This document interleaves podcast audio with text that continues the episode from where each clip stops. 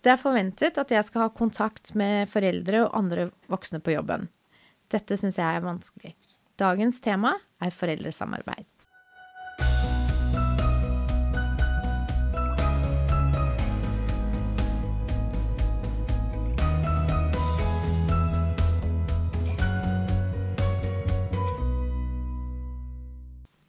Velkommen til dagens episode av Lærlingbua. Mitt navn er Sadia Hussein. Jeg jobber ved Opplæringskontoret for helse- og oppvekstfag, og lager denne podkasten for deg som er BUA-lærling i Oslo kommune.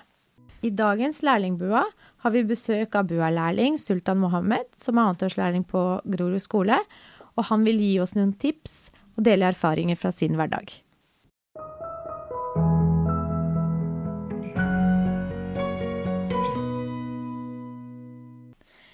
Velkommen, Sultan. Takk. Temaet som vi skal snakke om i dag, er foreldresamarbeid.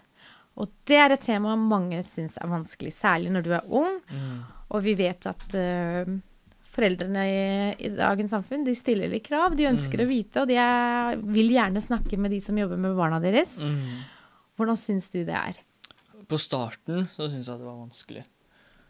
Fordi jeg hadde jo ikke snakket med mange foreldre da. Men etter hvert så begynte jeg å følge ut barna da, når de skulle hjem, f.eks.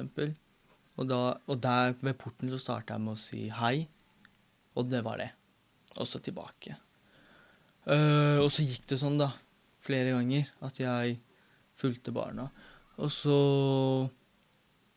spurte jeg, da. Hvordan går det med deg? Så fikk jeg svar. Ja, det går bra. Hva med deg? Greit. Da hadde vi en liten samtale da, før jeg dro tilbake. Andre ganger så var det sånn at foreldre ikke ville si noe, da, eller snakke. Så bare levere barna, så er det ha det. Har, har du begynt å snakke med foreldre nå? Er det gått litt fremover fra hei? Ja, det har det. Uh, noen ganger så kan jeg snakke om hvordan deres barn har hatt det på skolen, da, eller AKS. Og så vil de lytte. Og så kan det hende at de lurer på ting. Så hjelper jeg dem med det. At uh, de kan også bli trygge på meg, da. Hvis jeg skulle være noe de lurer på, så kan de også komme til meg og spørre om det. Så kan jeg eventuelt ta det videre hvis det skulle være behov for det.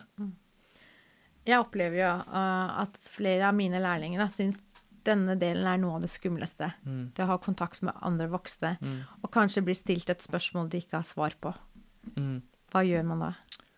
Man prøver å svare så godt man kan. Og hvis man kjenner at man virkelig sitter fast, da er det lov å få hjelp fra noen andre kollegaer da, som kanskje har svar på det. Det er ikke noe man skal være redd for, fordi det er ikke alltid man veit alt. Kan du komme på noen eksempler eh, på hva slags spørsmål du syns var vanskelig å svare på? Mm, for eksempel så ringte noen da og spurte om eh, når AKS Eller noen har jo halvdagsplass og heldagsplass.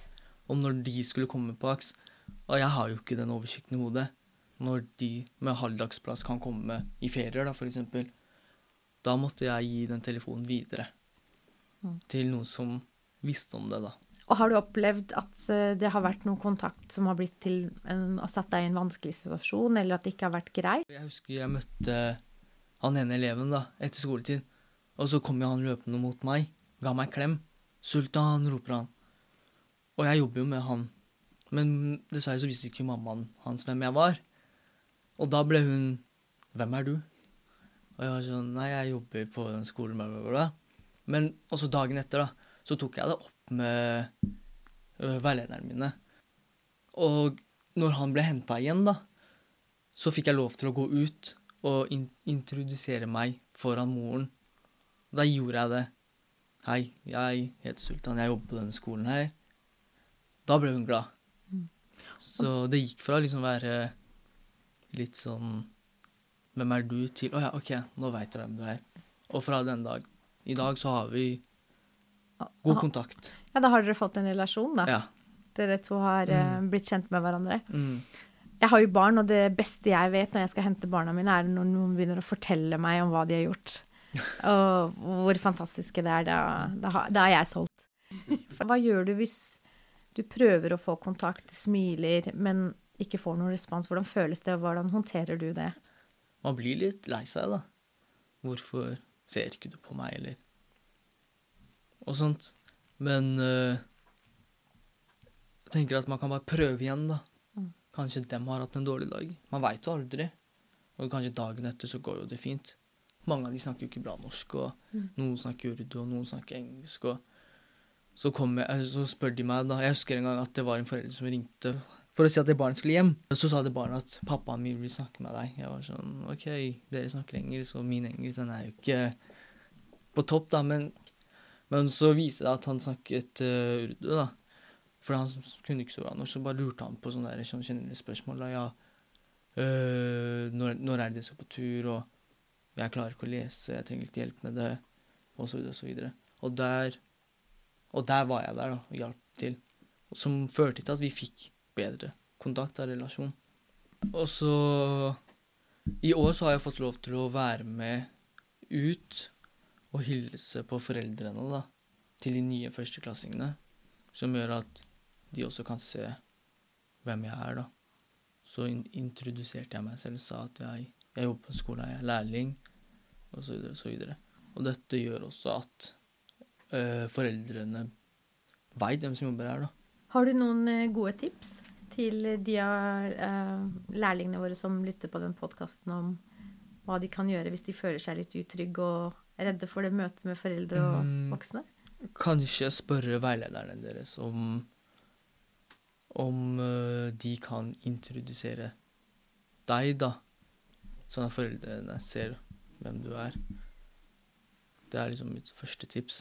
Og så kanskje gå ut eller følge barnet til foreldrene til porten eller hvor enn det måtte være. Sånn at de også ser OK, her kommer en voksen som følger barnet mitt. Takk, Sultan.